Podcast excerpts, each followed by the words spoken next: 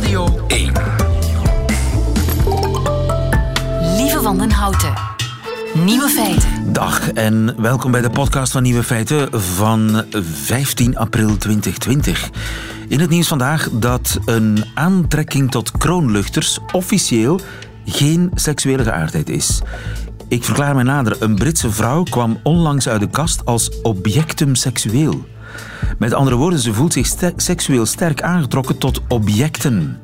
Haar coming-out gebeurde in de krant The Sun, die een lange reportage maakte over de vrouw en haar partner.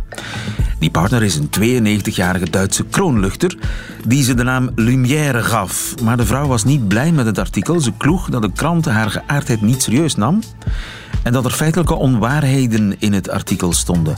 Zo claimde de Sun dat ze al getrouwd was met de kroonluchter, terwijl dat, dat nog moest gebeuren. De Britse regulator voor de media boog zich over de zaak en komt nu met het verdict. Een aantrekking tot kroonluchters is geen seksuele geaardheid. Blij dat dat opgeklaard is. Nu nog de andere nieuwe feiten. Een half miljoen inloggegevens van Zoom, de populaire videocall-app, zijn gestolen. Hoe veilig is Skyperitieven eigenlijk? Mark van Ranst beweert dat vrijwel alle overlijdens in rusthuizen tegenwoordig meetellen als coronadoden. Klopt dat? In Griekenland zijn tot nog toe 50 keer minder coronadoden gevallen. En na twee jaar in uw kelder verliest bier zijn smaak. De nieuwe feiten van Bas Birker hoort u in zijn middagjournaal. Veel plezier. Nieuwe feiten. Zit u tegenwoordig ook vaak te skyperitieven en maakt u dan gebruik van apps zoals Houseparty of Zoom? De vraag is, hoe veilig is dat? Bavo van den Heuvel, goedemiddag. Goedemiddag. Bavo, jij bent cybersecurity expert. Een half miljoen gebruikersgegevens van Zoom, de populaire videochat-app, die eh, zijn verkocht voor nog geen ja, twee duizendste van een dollar per account. Dat is niet veel, hè? Ja, ja. ja die, zijn, die zijn verkocht geweest. Nu, ik denk dat Zoom uh, een beetje overrompeld is door zijn eigen succes uh, in deze coronatijden. Iedereen wil met elkaar kunnen communiceren, zowel professioneel als privé. Um, en zulke, ja, zulke fouten kunnen het bijna niet noemen natuurlijk. Zulke hackingpogingen gaan dan natuurlijk gebeuren waardoor dat iemand, voor de duidelijkheid, zou kunnen met iemand zijn Zoom-account inloggen op bijvoorbeeld een professionele vergadering. Hè. Dus als je je wachtwoord gewoon wijzigt, is het probleem al opgelost. Ja, maar wacht eens even. Dus uh, Zoom-accounts zijn verkocht, de gegevens daarvan zijn verkocht. Dat heeft voor alle duidelijkheid niet Zoom zelf gedaan. Iemand, een snowdaard, heeft die gegevens gestolen en doorverkocht. Ja, inderdaad. Oké, maar welke gegevens zijn dat dan? Namen, adressen, contactenlijsten, nee, nee, dat, wachtwoorden? Dat zijn uw, uw logingegevens. Hè. Dus de, de gegevens waarmee dat je aan zo'n app kan uh, aanloggen, zijn um, gestolen geweest. En dan iemand die die dan vindt, die kan dan eigenlijk in uw plaats, een soort identiteitsfraude, in uw plaats aanloggen op een systeem en dan deelnemen aan de vergaderingen waar je aan deelneemt. Dat is eigenlijk het, hetgeen dat er volgens mij gebeurd is. En dus daar, um, daar zit een wachtwoordje bij, natuurlijk. Ja, ligt wel. Hè. Ja. ja, want anders gewoon de namen van gebruikers, dat is niet zo spannend. Hè. Je kan ook uh, van Facebook wel gebruikers vinden en van andere grote platformen. Ja, maar ik heb, ik heb zo ingelogd op een houseparty en toch ook met dichtgeknepen ah. billen allerlei uh, gegevens. Ik weet niet meer wat, maar ik dacht van, zal ik het maar doen, want ja, anders ben ik... Uh, mag ik niet meespelen met de houseparty? Zo van, ja, ah, ja, houseparty wil toegang tot uw contactenlijst, wil toegang daartoe. Ah ja, maar dat is, oh, een, dat vond het grote verschil... maar een beetje creepy. Ja, het grote verschil is natuurlijk dat de, de insteek van Zoom, uh, maar ook van Google Hangouts, Microsoft Teams en andere, is meer het professionele gebruik initieel. En natuurlijk heeft dat ook secundair, kan er ook allez, privé of, of, of meer lollig gebruik zijn. Bij Houseparty is dat helemaal de, de, de natuurlijk, om eigenlijk samen op café te gaan op afstand. Hè. Dat is best leuk als je vrienden in het buitenland hebt om toch eens gezellig een avond te hebben. Nu natuurlijk met corona wil iedereen dat kunnen doen. Ja. En zoals u zelf net aangaf bij Houseparty, wat dat bijvoorbeeld al heel fout is en dat je best niet had gedaan, is Houseparty wil toegang tot uw contact. Uh, Houseparty zegt van ja, um, wij zijn veilig, want wij werken enkel met de mensen in uw contactenlijst. Ik heb in mijn gsm 5000 contacten zitten. Ik denk niet dat die mensen het allemaal tof vinden, dat die plots um, door de mensen van Houseparty gekend zijn met dan het mom om, ja, zo kan je maar pas hè, de vriendenparties opzetten. Dus toch wel, toch wel altijd belangrijk bij elk soort app om, om bij een aantal security zaken stil te staan die je ook als gebruiker in de hand hebt. Ja, maar voor mij als totale leek is dat natuurlijk ingewikkeld. Hè? Want ik denk dan al snel, oké, als ik hier niet mee akkoord ga, dan uh, heb ik moeite Mag je niet om... meedoen met het feestje, ja. Ja, ik mag niet meedoen met het feestje. Ja. ja, maar op zich voor houseparty is het voldoende dat een van uw vrienden uh, u heeft uitgenodigd, dan kan je meedoen. Dus dat is eigenlijk de slimste strategie om een van de vrienden vragen om u uit te nodigen. Nu, er zijn ook veiliger alternatieven, ook, ook in België gemaakt, bijvoorbeeld praatbox.be. Uh, zou ik meer aanraden als je een veiliger gesprek wilt doen dan houseparty. Oké, dus wat is het veilige alternatief voor houseparty? Ja, praatbox.be. Praatbox.be. En waarom is dat veiliger? Omdat men daar um, totaal geen, er zit totaal geen commercieel opzet achter. Daar zit ook Jitsi-technologie achter. Um, dat kan je ook gebruiken mits de nodige, er staat nu een handleiding op hun website, mits de nodige randvoorwaarden voor echt zeer vertrouwelijke gesprekken, als je maar met twee mensen bent. Je bijvoorbeeld een, een, een psycholoog met zijn patiënten, dat is toch zeer gevoelige informatie. Dat ga je niet over heel het internet verspreiden.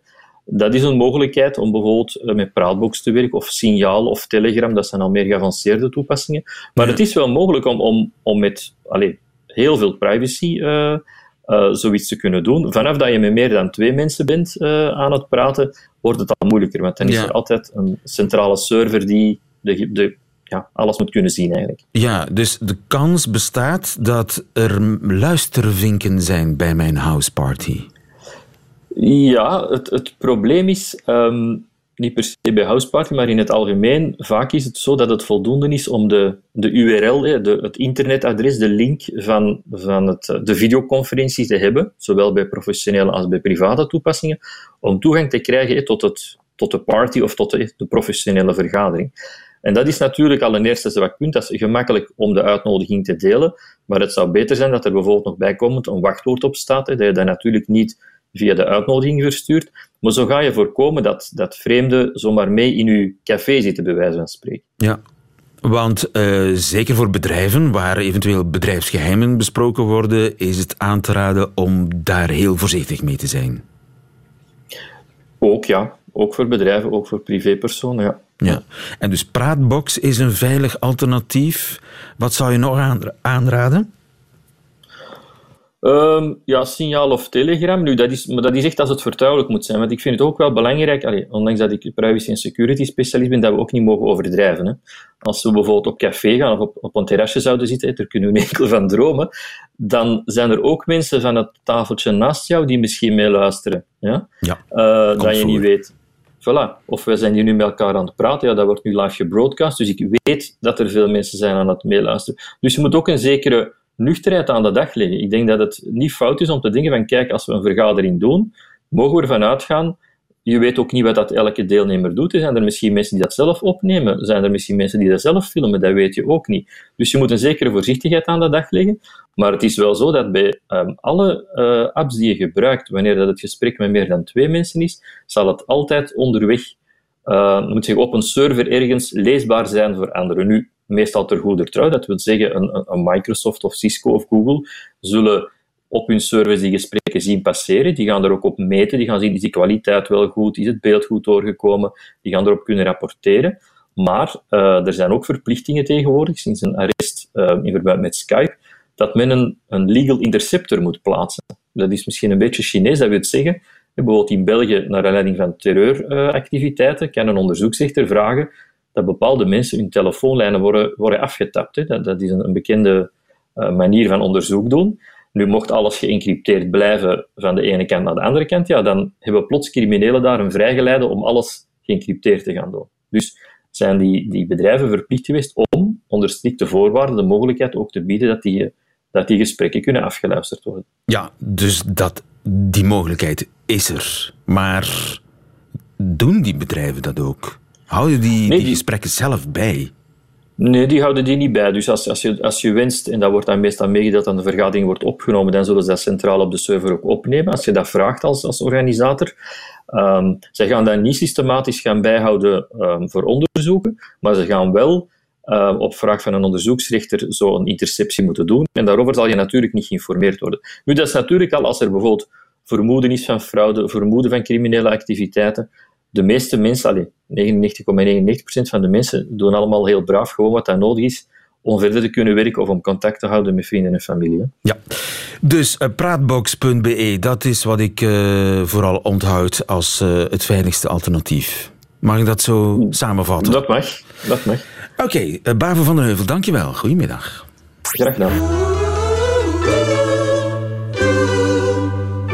Nieuwe feiten.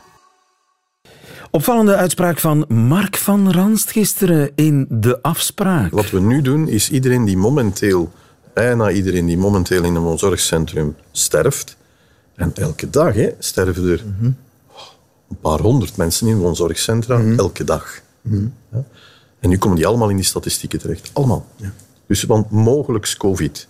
Toch dat waar is, dat is... van de besmetting vermoed wordt, toch? Nee, nee, nee, nee, nee, nee. Waar gewoon, die, die gaan dood in een woonzorgcentrum. Maar iemand die een hartstilstand nee. krijgt in een woonzorgcentrum wordt daar toch niet bijgeteld? Die, die komen nu bij COVID terecht. Ja, vrijwel iedereen die de voorbije weken gestorven is in een rusthuis, die telt mee als coronadode. En dat geeft een vertekend beeld van het totaal aantal coronadoden in ons land. Zou dat kloppen? Babette Monen, goedemiddag. Goedemiddag. Van onze redactie. Wij hebben een paar rusthuizen gebeld hè, de hele ochtend.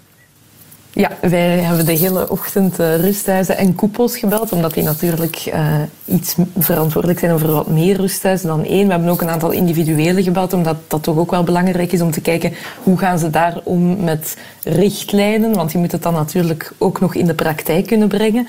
Um, maar de vraag is natuurlijk, denk, tellen zij al hun sterfgevallen als coronadoden?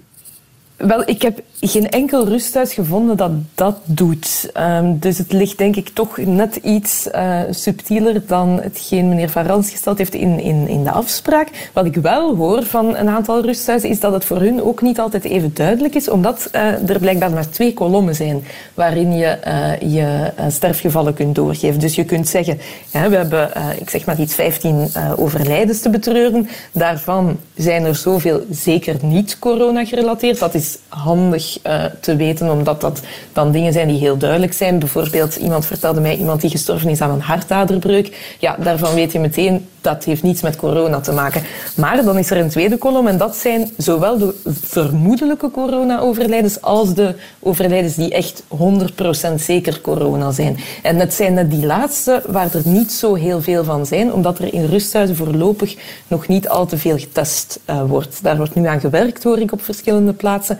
Maar het is dus zo dat iemand zei mij, mochten ze nu drie kolommen gemaakt hebben, dan zouden we een, uh, een beter beeld hebben, omdat je dan kon zeggen, ja oké, okay, deze persoon is overleden, um, had al een aantal klachten, maar heeft de laatste dagen van zijn of haar leven nog een hoest gekregen of koorts gekregen of diarree gekregen. En daardoor vermoeden we toch dat er een uh, virale infectie bij is komen kijken. En dat zou dan wel eens corona kunnen zijn. Maar die twee worden dus blijkbaar op dit moment nog een beetje op een hoop gegooid. Ja. En men rekent op de arts om dan de inschatting te maken. Ja, het is uiteindelijk de arts die natuurlijk het overlijden vaststelt en ook uh, de oorzaak van dat overlijden vaststelt.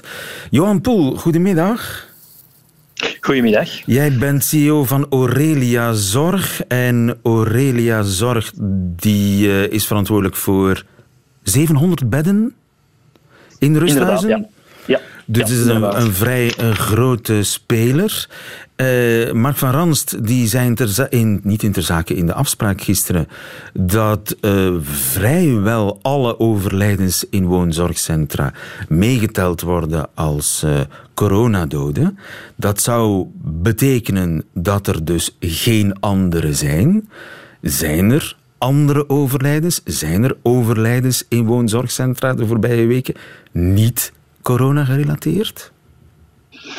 Ja, het is zo. We, hebben eigenlijk, we kunnen een onderscheid maken in drie groepen. Ik denk dat de eerste groep duidelijk is dat er residenten zijn die positief getest zijn via een, een test. Hè. En die mensen zijn natuurlijk positief en die worden ook sowieso mee opgenomen in de registratie. Maar je weet ook dat de, test, de testing in de, in de woonzorgcentra zeer beperkt zijn tot op het ogenblik. Dus voor ons is het zeer moeilijk om, als ze niet getest zijn, om dat in te schatten. Dan kunnen we enkel verder gaan, komen groep 2, op basis van de symptomen die ze de afgelopen dagen hebben vertoond. Dat kan zijn, dat zijn meestal mensen die al opgenomen waren in een kamerisolatie, die eventueel kortademig waren, koorts hadden. Als die overlijden, dan nemen die ook op mee in de registratie dan zijn van overleden omwille van Vermoedelijk. En die worden ook meegenomen. Anderzijds heb je ook een hele kleine, beperkte groep nog, waarvan het overlijden, dat die mensen vooraf al in een palliatieve setting waren, die een zwaar onderliggend uh, lijden hadden of pathologie hadden, dat men nu kan zeggen van vermoedelijk is dat niet COVID-positief, maar die is maar zeer die, beperkt. Maar die groep is inderdaad heel beperkt. Die is beperkter dan Ja. in normale tijden, zeg maar. Inderdaad, ja. ja. Dat kan ik wel bevestigen, klopt. Ja. Dus dat betekent wel degelijk dat in die groep vermoedelijke coronapatiënten er vermoedelijk geen coronapatiënten zitten. Want het zou een beetje raar Zolang zijn. dat, wij geen, zolang dat er niet meer getest wordt, men is daarmee bezig, niet meer getest wordt in de woonzorgcentra, kunnen wij dat niet uitsluiten. Ja. Dat Dus er binnen de vermoedens ook mensen zijn die omwille van een andere oorzaak helaas overleden zijn. Ja, want eh, anders zou als bij mirakel de, er minder gewone doden zijn. Want gewoon doden, ja, de, de gemiddelden zijn een paar, een paar honderd per dag in, in zijn algemeenheid natuurlijk. Maar eh, het, het zou raar zijn dat de andere doodsoorzaken tegenwoordig, omdat er corona is, nauwelijks nog spelen. Of dat is, is Ja, alleen maar in mijn boerenverstand onlogisch. Nee, nee, nee, nee, dat is een zeker iets. eh, dat, is, dat, is, dat, is, dat is correct, maar ik kom terug op mijn punt. Zolang dat we niet weten via testing of het al dan niet positief is, zullen we dat nooit kunnen uitsluiten. Nee. Blijft het een vermoeden? Dat is waar. Gaat het om een, een, klas, gaat het om een, een, een, een bronchitis of gaat het effectief bijvoorbeeld omwille van eh, symptomen van een COVID? Wij kunnen dat alleen maar op basis van inschatting doen, samen met de huisarts of met onze coördinerend raadgevend arts van de Maar ik, ik hoorde u daarnet zeggen, de, die derde groep, eh, de groep die niet meetelt, toch, toch dood, maar niet COVID, die groep is, is in uw eh, Aurelia-zorg heel klein. Ja, die is heel klein, inderdaad. Ja. En wat is heel Ja. klein? Dat is een, een, een, een tweetal, een drietal per week? Per, ik heb er geen idee van. Ik denk dat je van op de totale overlijdens kan zeggen dat misschien 10% tot die groep behoort van de totale eh, groep van overlijdens. Dus als je totale overlijdens neemt in een woonzorgcentrum, maar je zegt eigenlijk, relateren we zeker toch meer dan 90% aan het COVID in dit geval. Maar je zit met een serieuze oversterfte door het, door het coronavirus dat nu heerst.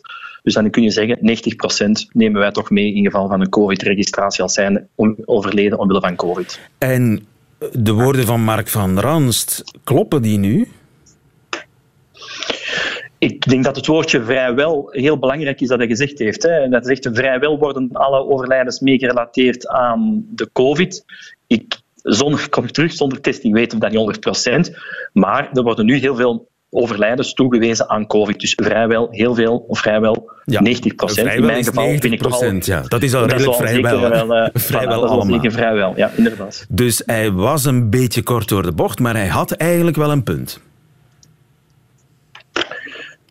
Hij had een punt. Ja, Johan Poel, dankjewel. Goedemiddag. dank u wel. Nieuwe feiten. In Griekenland eist corona 50 keer minder doden dan bij ons. Bruno Tersago, goedemiddag. Goedemiddag, lieve. Onze man in Griekenland. Noem eens een paar cijfers. Hoeveel doden, coronadoden zijn er al gevallen in Griekenland tot nu toe? Ehm, sinds het begin van de uitbraak 101 doden. En in totaal zijn er 2170 gevallen geregistreerd. Dat is wel bijzonder weinig, hè? want wij koersen snel richting 5000 doden.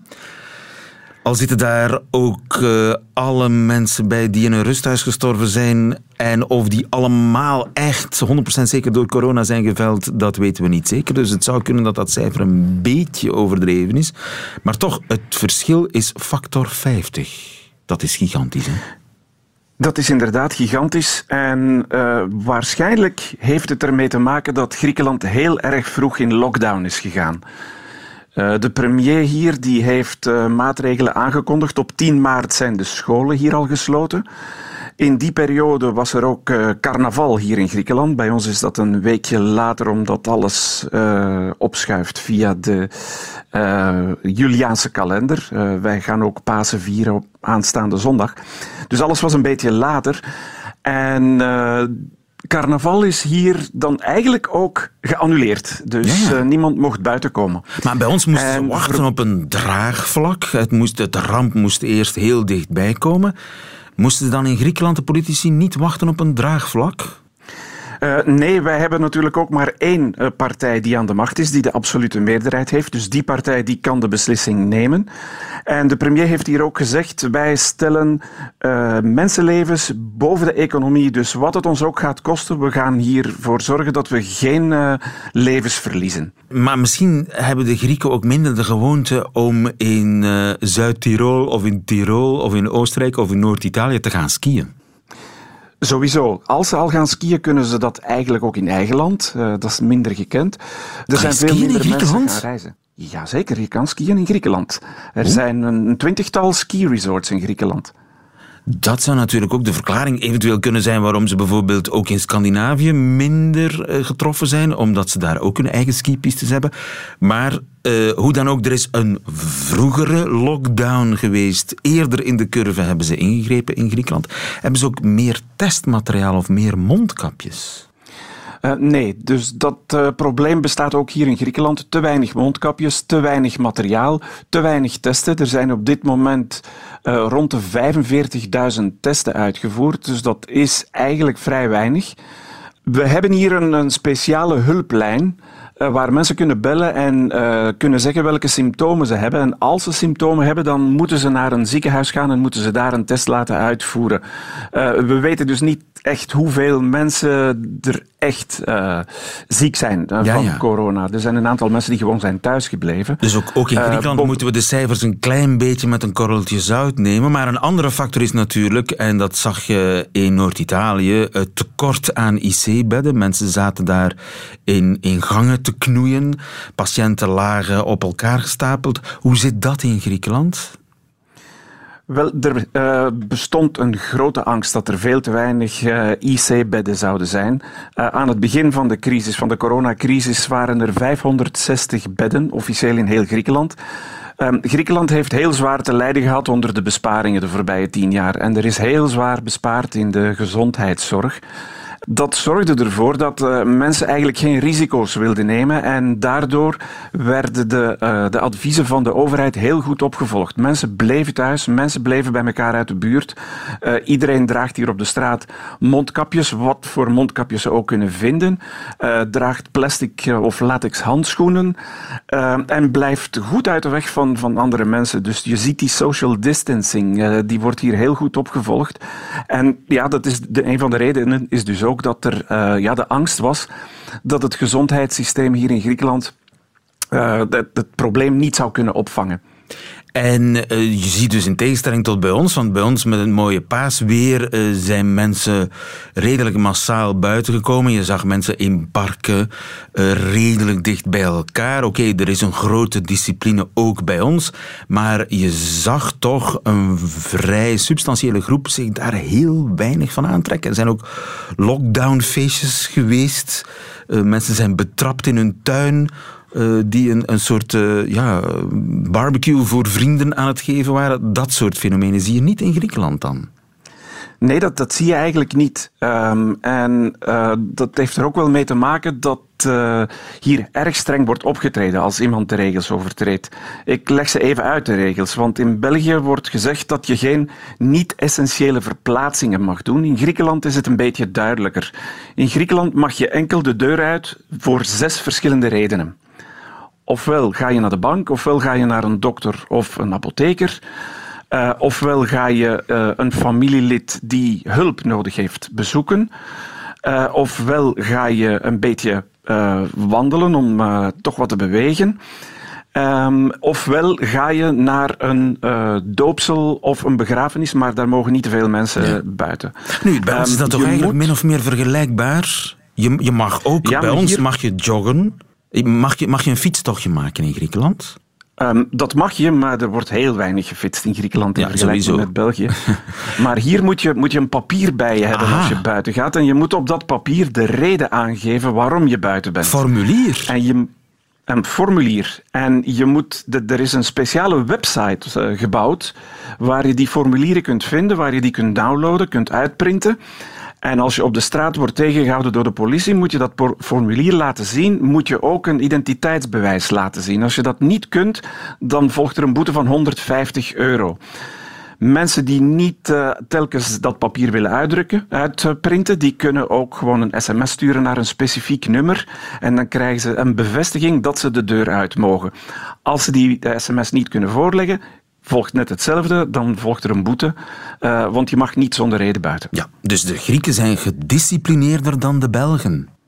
Ja, je zou het niet verwachten, maar als het uh, op, op gezondheid aankomt, dan uh, zijn de Grieken heel erg voorzichtig.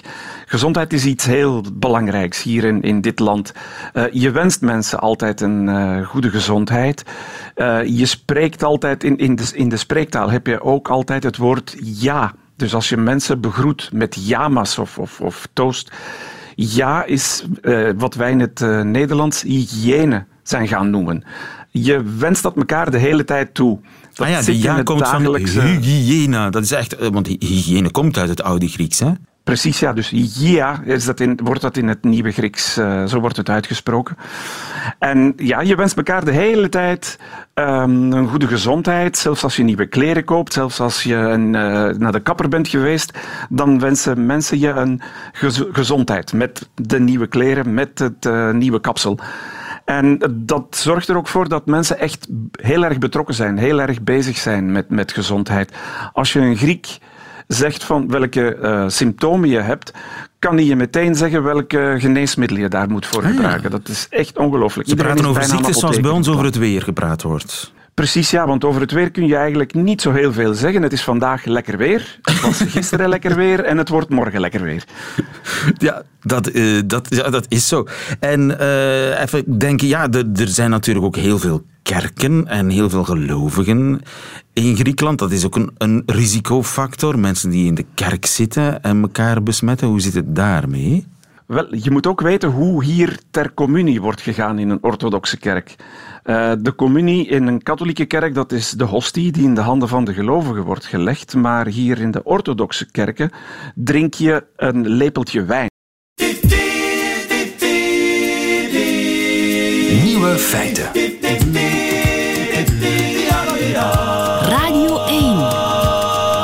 Uw lekkere streekbiertjes, waar bewaart u die? In de kelder. En ik mag hopen niet al te lang, want aan de Universiteit van Leuven is onderzocht hoe lang bier bewaart. En de resultaten zijn nogal alarmerend. Goedemiddag, Sophie van Rafelgem. Goedemiddag. Je bent biersommelier. Onderzoekers van de Universiteit van Leuven hebben 21 bieren twee jaar lang bewaard om te kijken wat er met de smaak zou gebeuren. Het gaat niet om pils, hè, om gewoon, uh, gewoon bier. Het was wel een speciaal bier.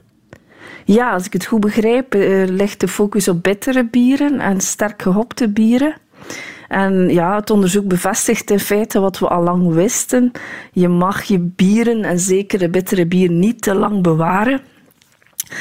Hetgeen ik een beetje mis in het onderzoek is uh, persoonlijk, het, heeft zo, het gaat over de bittere smaak en dat klopt. Dat heeft te maken met de alfazuren, die humulonen en die gaan achteruit, één jaar tot twee jaar. Um, maar wat ook belangrijk is, um, zijn de hopolieën. En die gaan eigenlijk het boeket van uw bier, uh, de aroma's gaan vormgeven. En als we dan spreken over sterke hopte bieren, denk maar aan het duvel, triple hop, enzovoort. Ja, dan zou ik toch zeggen, drink het binnen de zes maanden al uit, want daarna gaat het ook achteruit. Dus het is nog erger dan uit het onderzoek zou blijken, want in het onderzoek staat, eh, ze hebben twee jaar bewaard, maar eigenlijk na zes maanden begint het al achteruit te gaan. Ja, maar daar heb ik het echt specifiek over sterke hopte bieren, zoals uh, de IPA's bijvoorbeeld, waar uh, de hop niet alleen bitterheid geeft aan het bier, maar ook de aroma's. Dus dat is maar een deeltje van de bieren. Ja. Dus als mensen nu vastzitten met een grote voorraad IPA's, zou ik wel zeggen, drink ze op. Ja. Want het gaat inderdaad om dat droog gehopte bier. Uh, daar zit ook een bittere smaak aan. En uit het onderzoek blijkt dat in sommige gevallen 40% van die smaak gewoon verdwenen is na twee jaar. Ja, bitterheid gaat duidelijk verminderen. Dat is ook iets wat we al wisten. Um, dus stel nu gewone blonde, bittere bieren. Ja, mijn advies is sowieso altijd drink die binnen het jaar uit. En wat gaat er daarna gebeuren? Die bitterheid gaat verminderen. Maar wat gaat er ook gebeuren? Die bitterheid die overblijft gaat zeer slepend worden en wrang smaken. Dus je bier is helemaal zo lekker niet meer. Um, blonde bieren over het algemeen dienen echt wel om binnen het jaar op te drinken. En is er bier dat je langer dan een jaar kunt bewaren?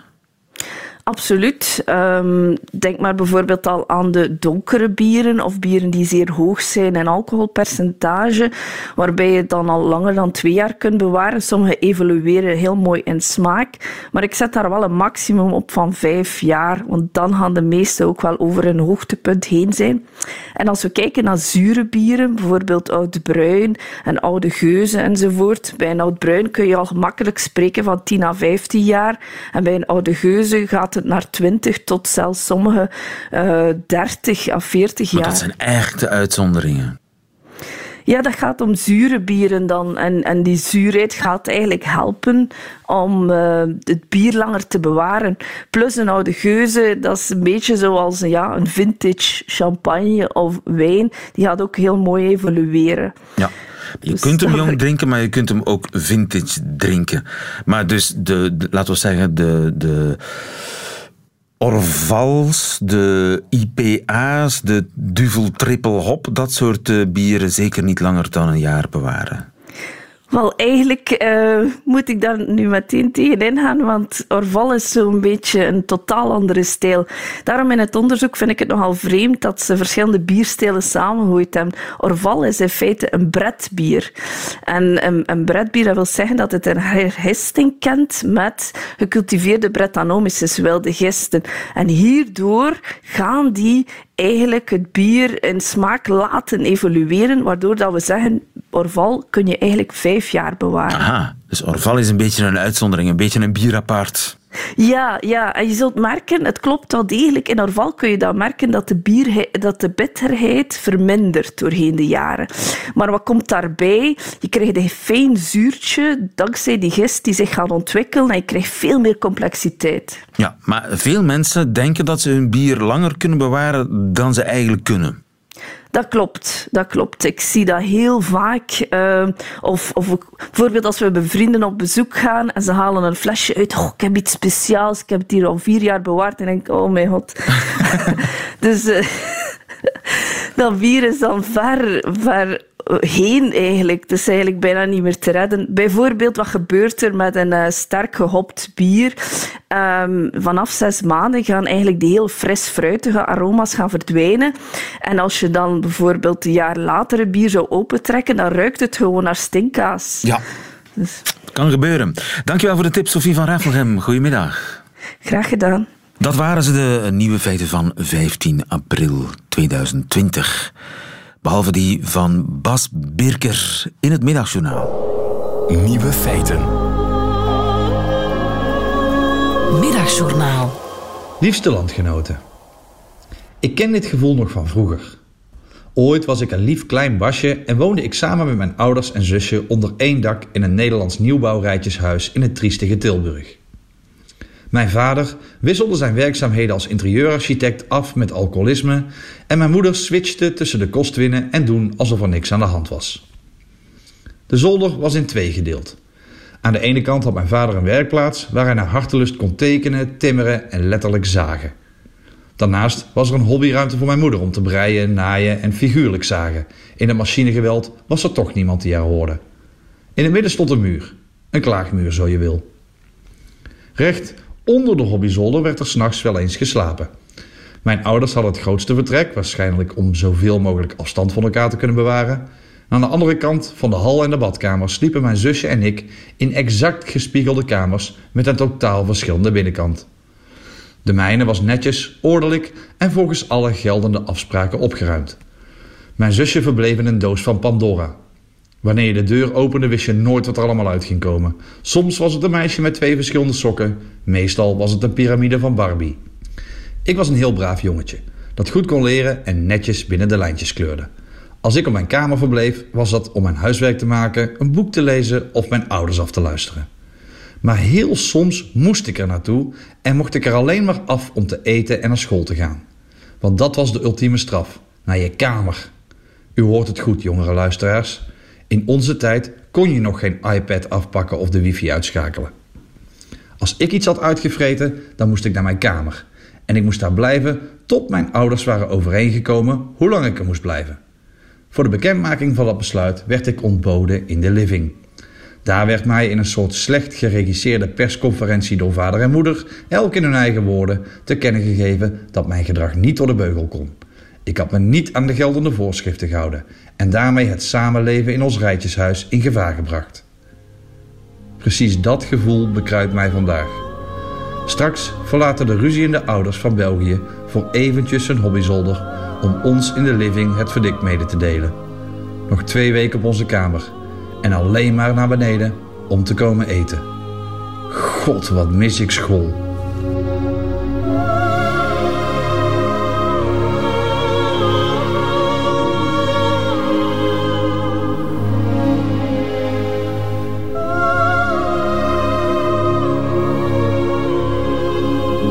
Bas Birker in het Middagjournaal. Einde van deze podcast van Nieuwe Feiten. Hoort u liever de volledige uitzending met de muziek en de jingles en alles erop en eraan. Dan eh, kunt u natuurlijk terecht op onze app of op onze site, waar u nog veel meer fijne podcasts vindt. Tot een volgende keer.